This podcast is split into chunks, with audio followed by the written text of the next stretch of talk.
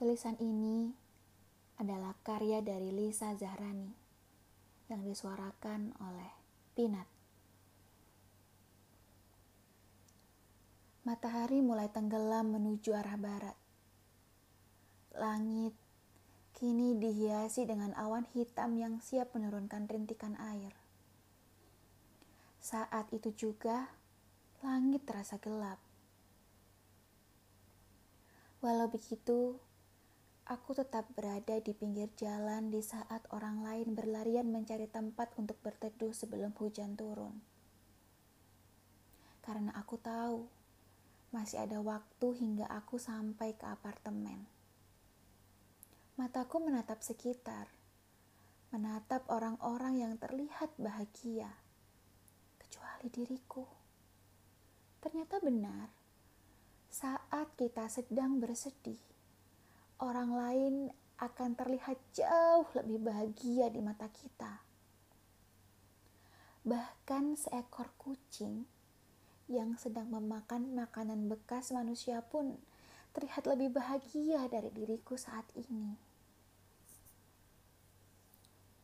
Ketika bangunan putih bertingkat itu sudah tampak di hadapan, aku segera memasukinya. Setelah berhasil menaiki lantai lima dengan bantuan lift, aku menuju kamarku. Selesai membersihkan diri, Aku berbaring di kasur sembari memandangi jendela besar yang belum kututup tirainya. Aku selalu menutupnya saat aku ingin tidur, karena aku menyukai suasana malam. Tak lama, langit bergemuruh kembali disusul oleh rintik hujan. Aku merundungi kesalahan yang telah aku perbuat hari ini kesalahan yang menyebabkan aku mengalami hari yang sangat buruk. Aku terancam gagal dalam pekerjaanku di kantor. Mungkin bagi beberapa orang ini terdengar sepele, tapi aku sangat takut mengecewakan wanita yang kusebut ibu itu. Beliau begitu mendukungku, begitu mendengar keinginan sang anak juga dengan ayahku. Aku sangat takut mengecewakan keduanya. Aku tidak tahu apa yang harus aku lakukan setelah ini. Aku sangat takut untuk gagal. Tiba-tiba saja dari luar terdengar lebatnya suara hujan dengan petir yang menyambar. Aku pikir malam ini hanya akan gerimis.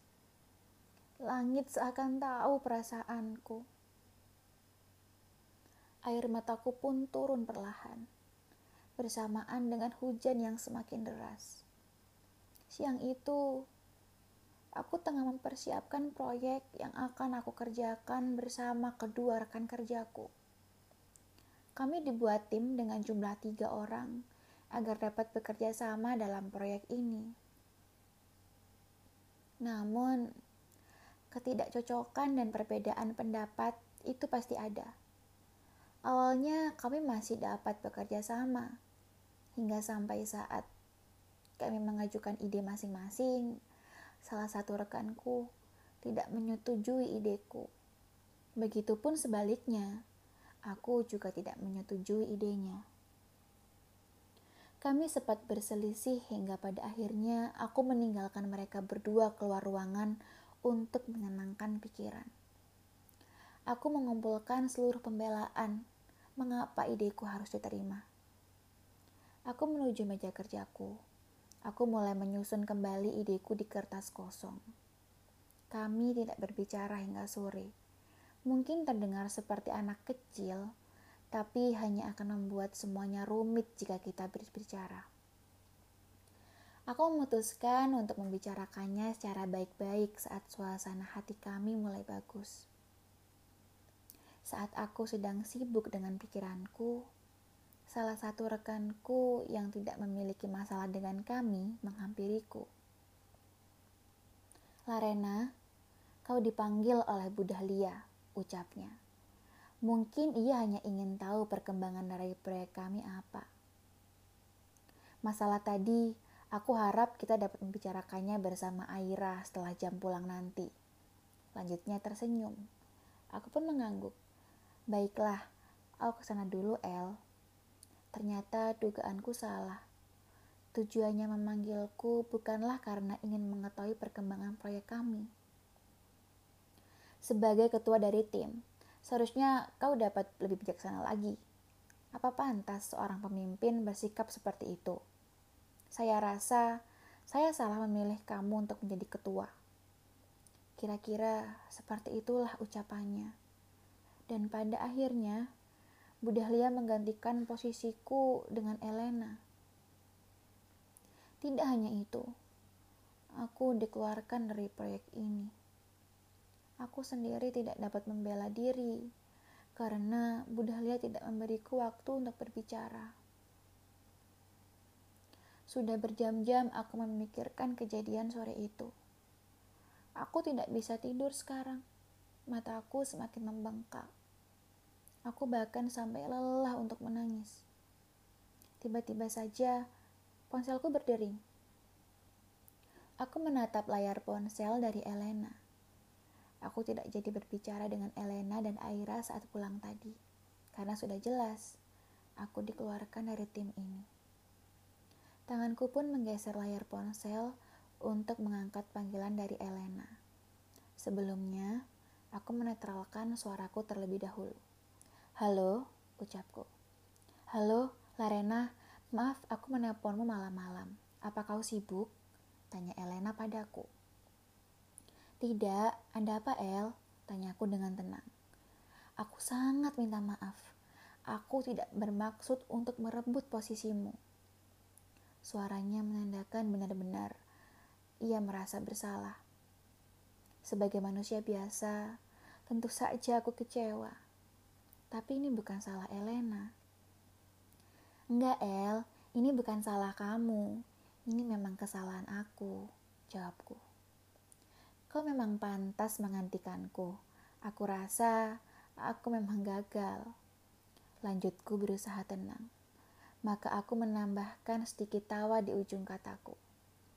Kau tidak gagal. Gagal itu jika kau menyerah dan tidak berusaha memperbaiki kesalahan, ujar Elena. Elena benar. Aku masih mempunyai kesempatan.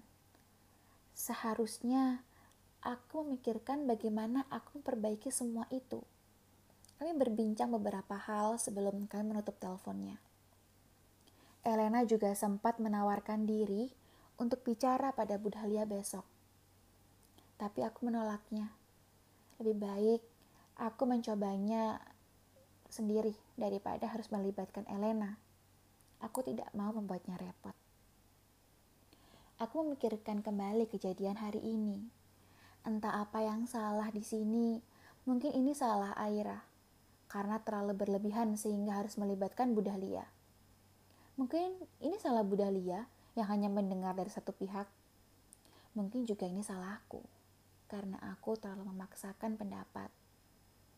Lelah memikirkan semuanya, aku pun bangkit dari ranjang untuk menutup tirai. Perasaan sesak itu masih ada, tapi aku berusaha melupakannya. Itu sudah berlalu. Meski aku berkata seperti itu berkali-kali pada diriku, itu tetap tidak mudah, sulit sekali. Mataku menatap langit yang gelap, gerimis masih turun. Tapi setidaknya hujan deras mulai mereda. Suara petir pun tidak terdengar lagi. Setidaknya besok aku masih punya harapan. Di malam menyesakan, Kulihat jam sudah hampir pukul 00.00. Akankah ada yang berubah? Sepertinya tidak. Tapi setidaknya hari ini akan berakhir.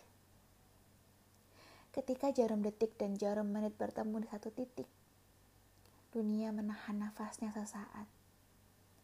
Jam 12 malam akan menjadi awal yang baru lagi.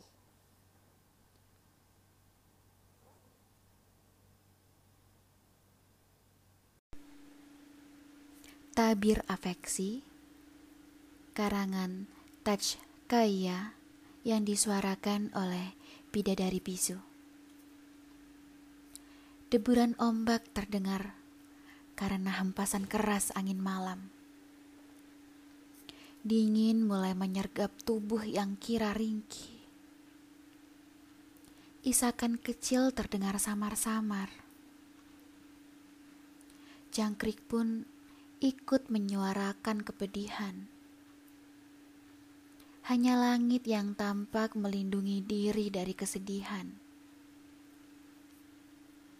Melawan awan gelap yang akan menyerang sinar rembulan purnama.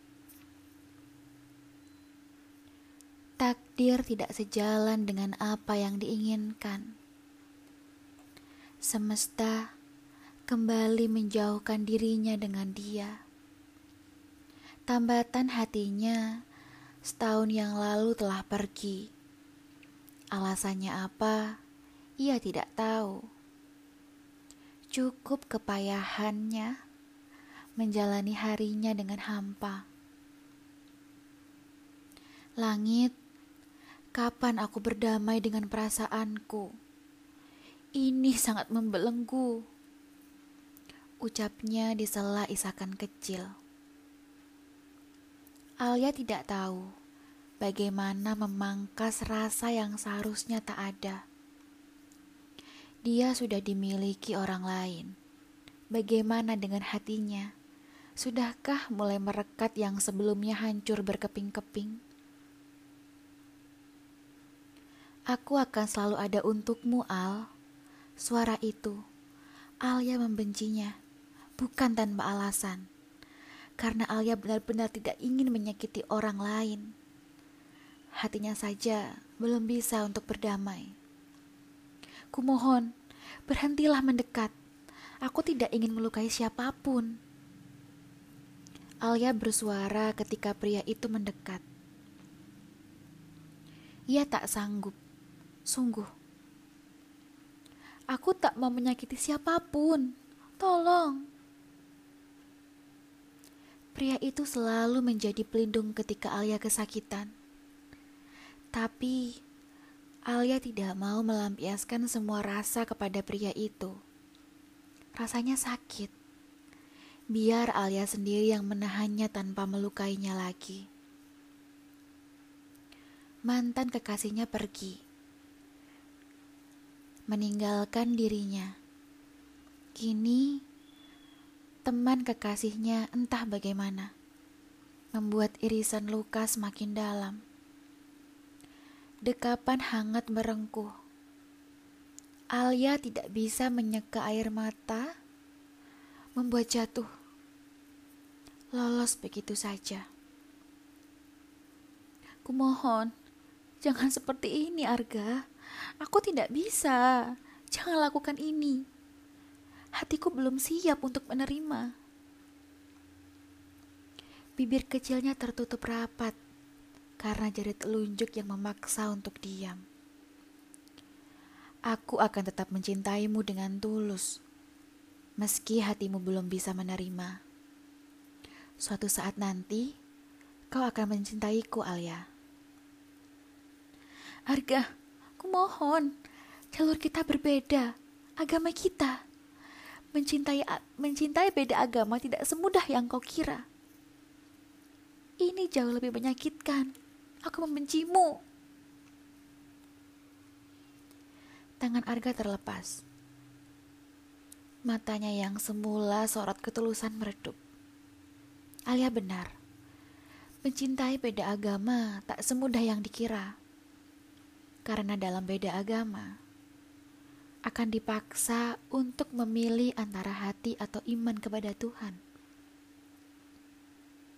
Kita semua hidup di bawah langit yang sama, tetapi kita semua tidak memiliki cakrawala yang sama.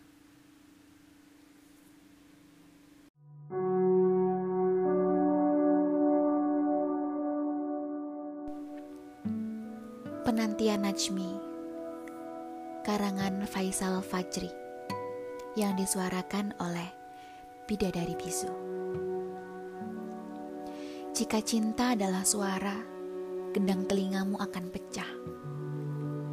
Jika cinta adalah anestesi, detak jantungmu seketika terhenti. Jika cinta adalah plasma, kubiarkan darahku mengalir di tubuhmu. Darahku, darahmu, mengalir menjadi satu padu, mengental hingga masanya tiba merubah sosok yang selama ini kau idamkan. Bayi. Kakiku menancap di beranda rumah Kepalaku mendongak, menatap langit membiru yang nampak kosong. Sesekali aku tersenyum kecil dan air mataku mengalir di lesung. Saat teringat tentang kisah satu tahun silam. Namaku Najmi Ulya. Setiap malam, aku terduduk di teras rumah sambil menunggu kedatangannya pulang. Seorang ibu rumah tangga yang hanya rindu akan sosok seorang lelaki yang sangat menghargai wanita seperti diriku. Tak akan kutemukan lagi belahan jiwa seperti dirinya. Semilir angin malam membawa rintik hujan serupa salju menampis di wajahku. Rasanya sejuk, seperti tutur katanya yang tak pernah membuatku merenggut hati. Malam dan rintik hujan memang mempunyai caranya sendiri membawa ingatanku pada saat bersamanya. Terlalu indah untuk kulupakan. Terlalu real diri saat aku ingat. Jemariku yang rindu dengan genggamanmu dan sekarang aku gunakan untuk menutup pintu rapat-rapat. Kakiku berayun menuju ruang tengah untuk singgah. Nuansa hening merasuki jiwaku kesedihan beranak pinak, seperti gendang bertalu-talu memecahkan dada. Menarik kursi kayu yang terhimpit di kolong meja hingga mengeluarkan bunyi derit. Dan kujatuhkan bokongku yang telah berisi lemak. Maklum, aku sudah memiliki anak satu dan kini tubuhku tidak ideal lagi seperti zaman putih abu-abu. Di meja itu, jemariku sibuk mencari diary yang terselip di antara buku-buku yang berdebu. Tak lama kemudian, diary pun tersembul di pertengahan buku-buku yang lain. Lalu kuletakkan di atas meja. Mataku tertumbuk pada sampul diary yang tertulis, apa pun yang bersamamu pasti berpisah.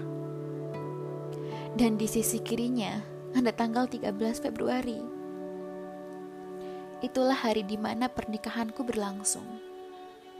Sebuah ikrar janji yang saling terikat. Air mataku mengembang, sungguh.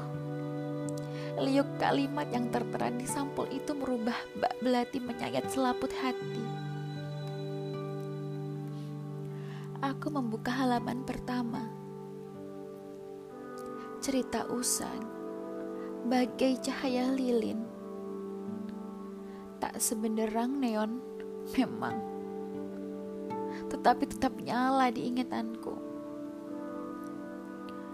dadaku terasa berat. Seperti ada benda yang menggantung di dada benda yang kusebut luka. Aku menarik nafas dalam-dalam lalu kuhembuskan.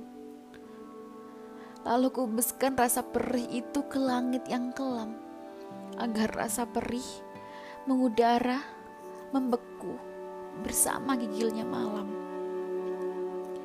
Dengan mata berkaca-kaca, dengan bibir yang bergetar, aku membaca cerita yang masih tetap utuh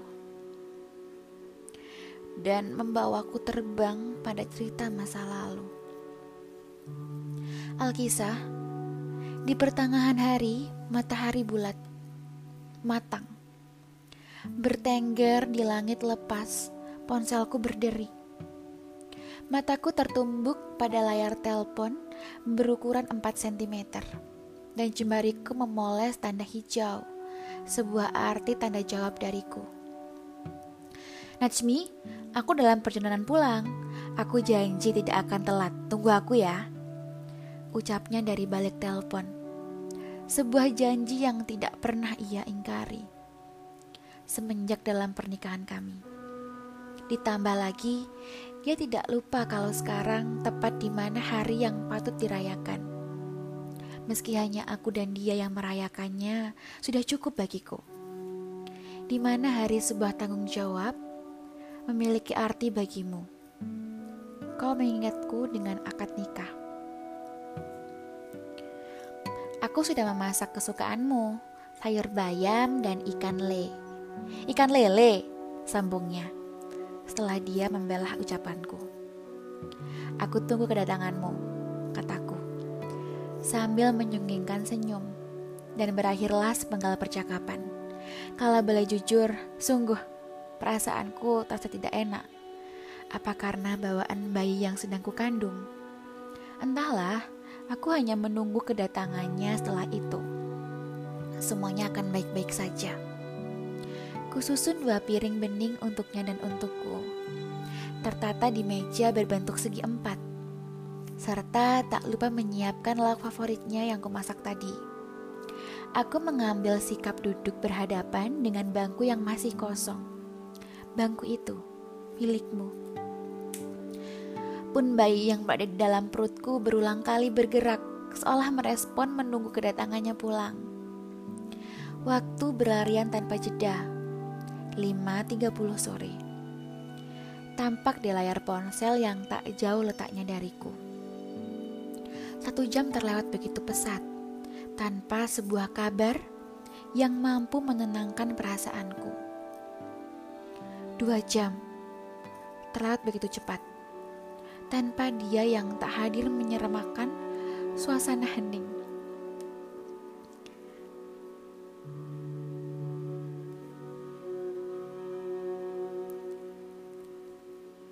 Pandanganku nanar, menerobos jendela kaca, menatap guratan cahaya senja yang perlahan luntur. Siluet hitam menyelimuti paku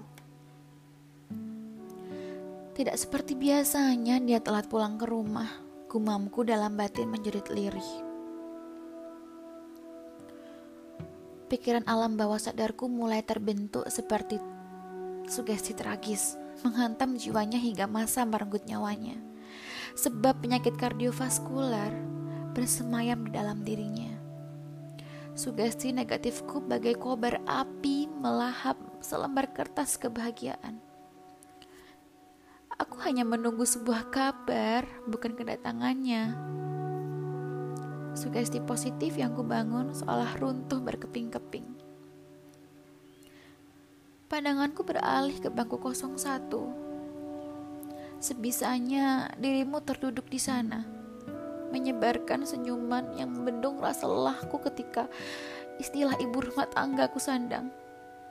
Di bangku kosong itu, kamu menyadarkan keluh kesah manis dan juga pahit saat mena saat mengais rezeki yang Tuhan berikan untuk untukmu hari ini. Namun di pertengahan kecemasan mataku membeliak. Di bangku kosong itu telah diisi dengan sosok dirimu yang sedari kutunggu. Sesekali dia menarik bibirnya yang pucat itu dari sorot ekor matanya memuat kesedihan, membentur mataku, menyulut hatiku.